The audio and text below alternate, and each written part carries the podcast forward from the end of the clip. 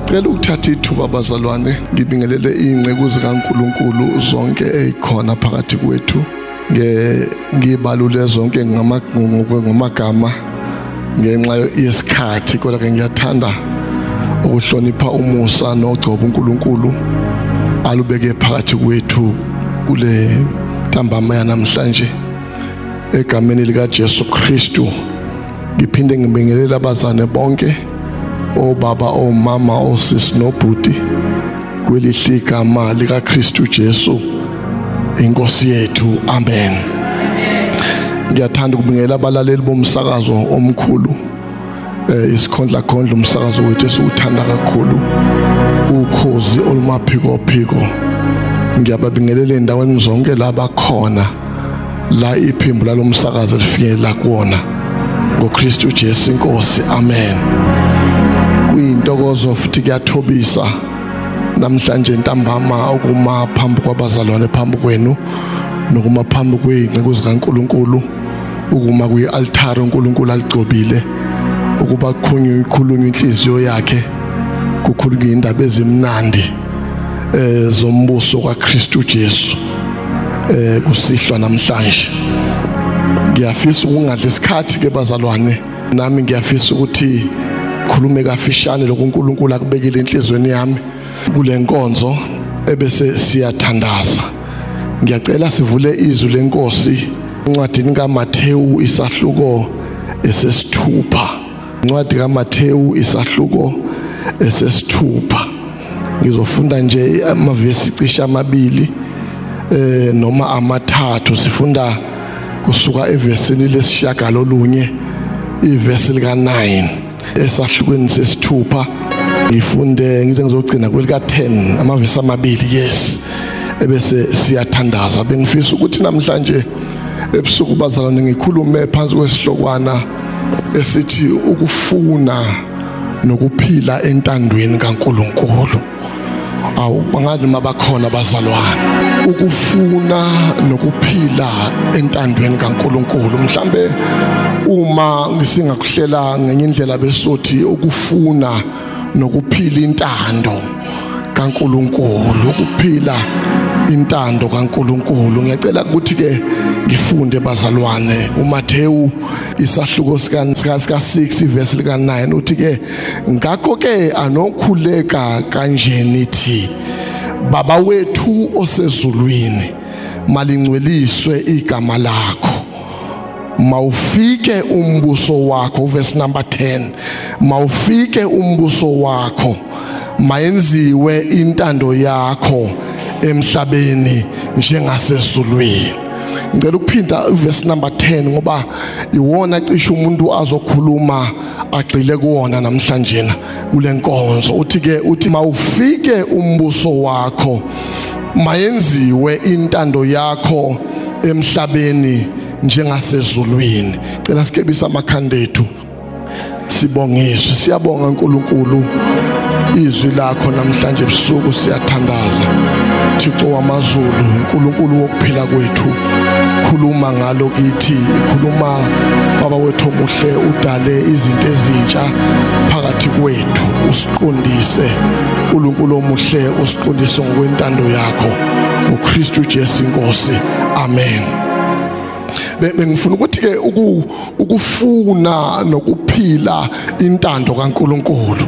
Ngiyacela ukuqala kanjena ke khani sizohamba kanye kanye bazalwane. Ngithi ke uma uJesu ezemhlabeni efika uzoletha uzokwembula alethe umbuso kaNkuluNkulu. Uzokwembula alethe umbuso kaNkuluNkulu.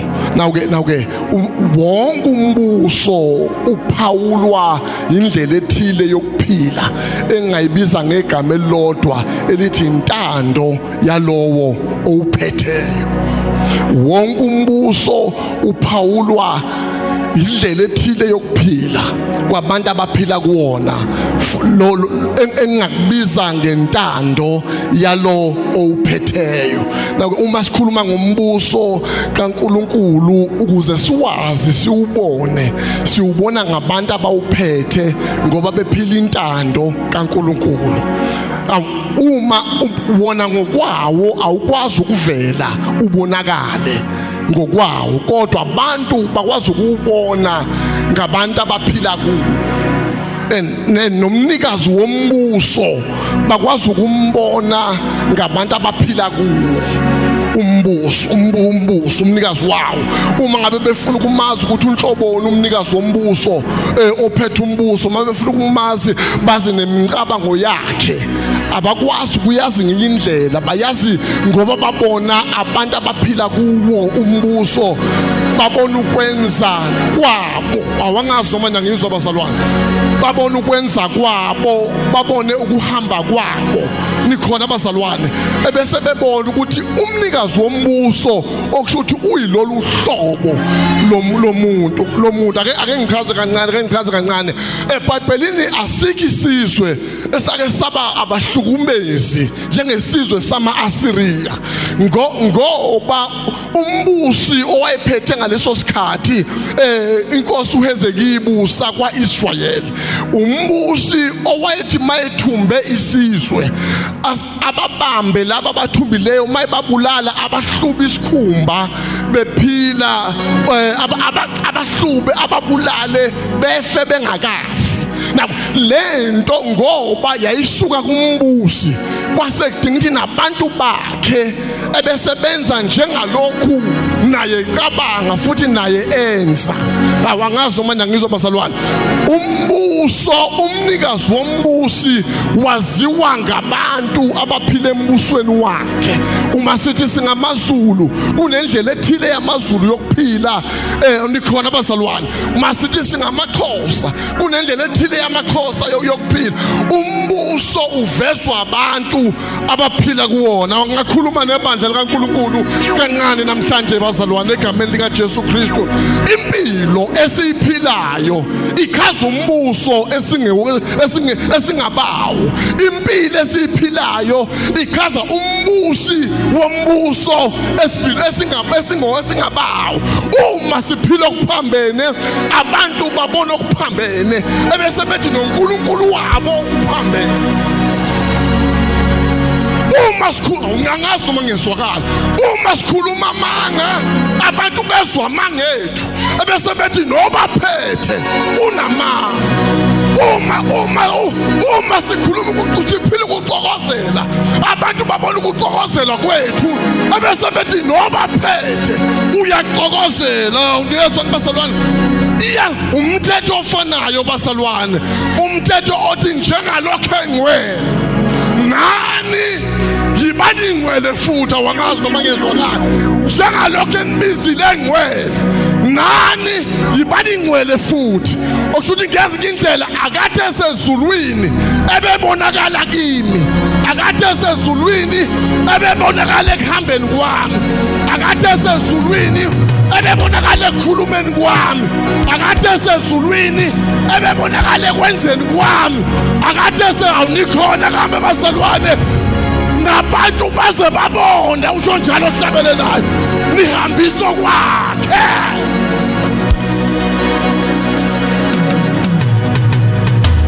Abantu babone nihambisa kwakhe.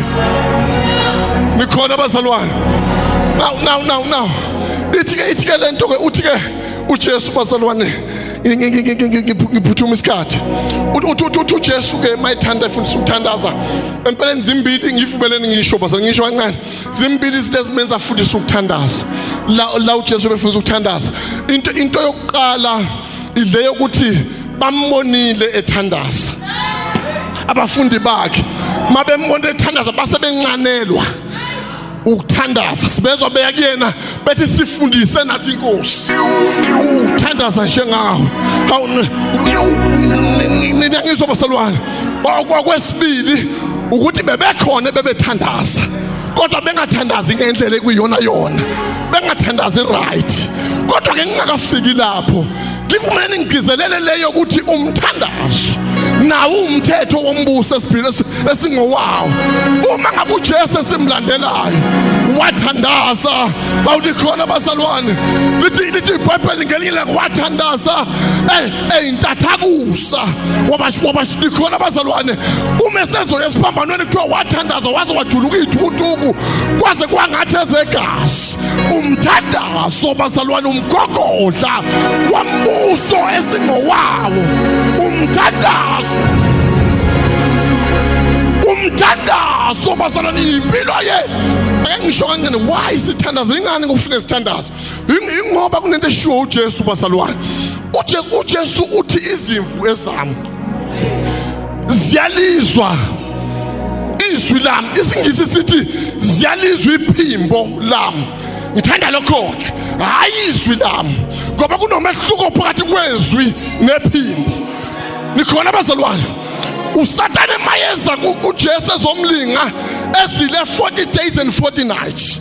Akezanga ngephimbo weza ngezwi siphose phansi ngoba kulotshe ukuthi ngiyoyalezela ingelosi. Zikuphakamise amahubo 91 nikhona abazalwane? But uJesu akazange ayiphose phansi. Tshintsha lamatshe abe yisinkwa udle. But nikhona abazalwane? Kodwa uJesu akawashintshanga manje yini eyenza uJesu wangakwenza? Ingoba ukwazile ukuhlukanisa phakathi kwephimbo nezwi. Kunomehluko phakathi kwephimbo nezwi. Abantu abazokwazi iphimbo abantu abazochitha isikhathi emthandazweni athi umhlabeleli wecilongo libala noJesu usemthandazweni. Nikhona nibazalwane. Angeke ulazi iphimbo ungathandazi. Kufanele wazi izwi udlule kwazi izwi wazi iphimbo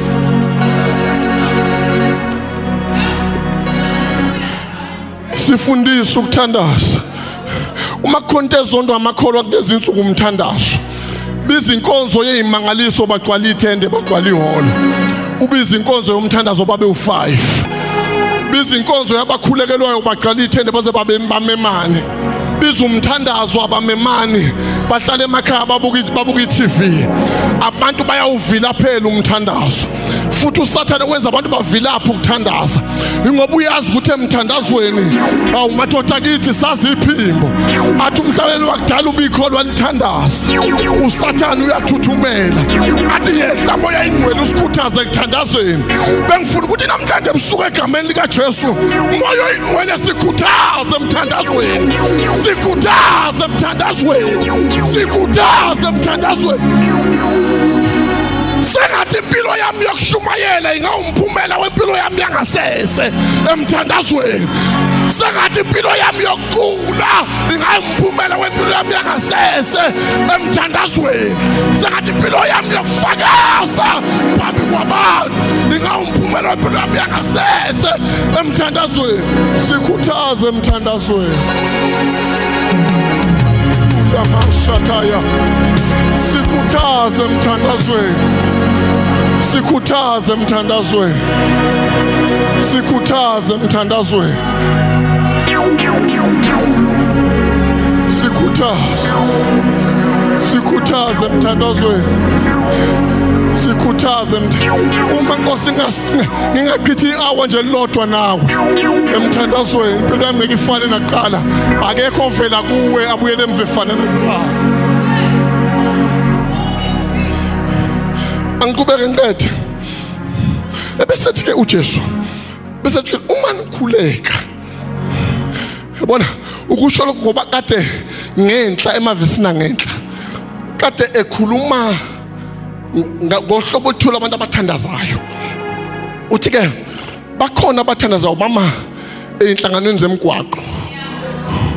Uthi abanye bathandaza imthandazo emide ethemelezayo bese ningabi ngabanjalo ngoba labo sebewumukela umvuzo wabo kwamanje. Bese kuthi manithandaza anothi nina baba wethu osezulwini. Into oqala ofanele niyazi manje semthandazweni ukuthi ubani lweniza kuyena? Anizile kuNkulunkulu wenu. Udlulele ekuthene beuNkulunkulu wenu. Ngoba umuzo zakene uNkulunkulu uNkulunkulu wabantu bonke. Kodwa mawususa kuwena uza ngomoya othi apha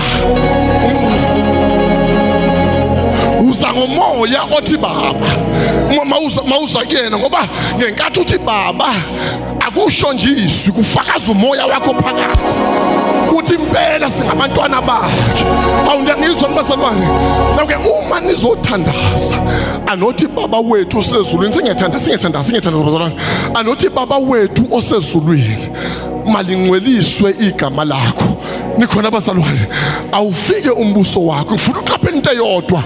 Ukuthi kulezi ingxenye ey'ngenhla lezi engishoyo akakaveli into ecelayo. La la akakaveli into ecelayo. Kuseyinento ethi ethi ngizongena emasangweni ngendumiso ngingene emagcekeni ngokubonga.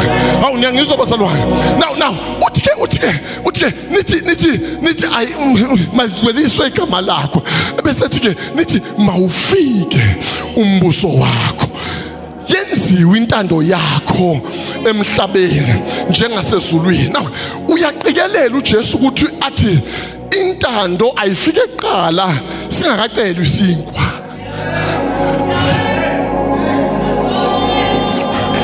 yini yini uJesu asho nje? Ingoba uke wabhala omunye eBhayibhelini wathi niyacela anemukeli ngoba nicela kabi. Nicelele inkanukweni zenu. Na ukuze ukucela kwakho kube okuqondisiwe ayifike eqala intando. Ayifike eqala intando. Ebese ucela kuzamuva. Ngoba masucela usuzocela ngokwentando. Awangazi noma ngiyangizwa bazalwane. Usuzocela ngokwentando. Uthi ke mayenziwe intando yakho emhlabeni njengasesolweni.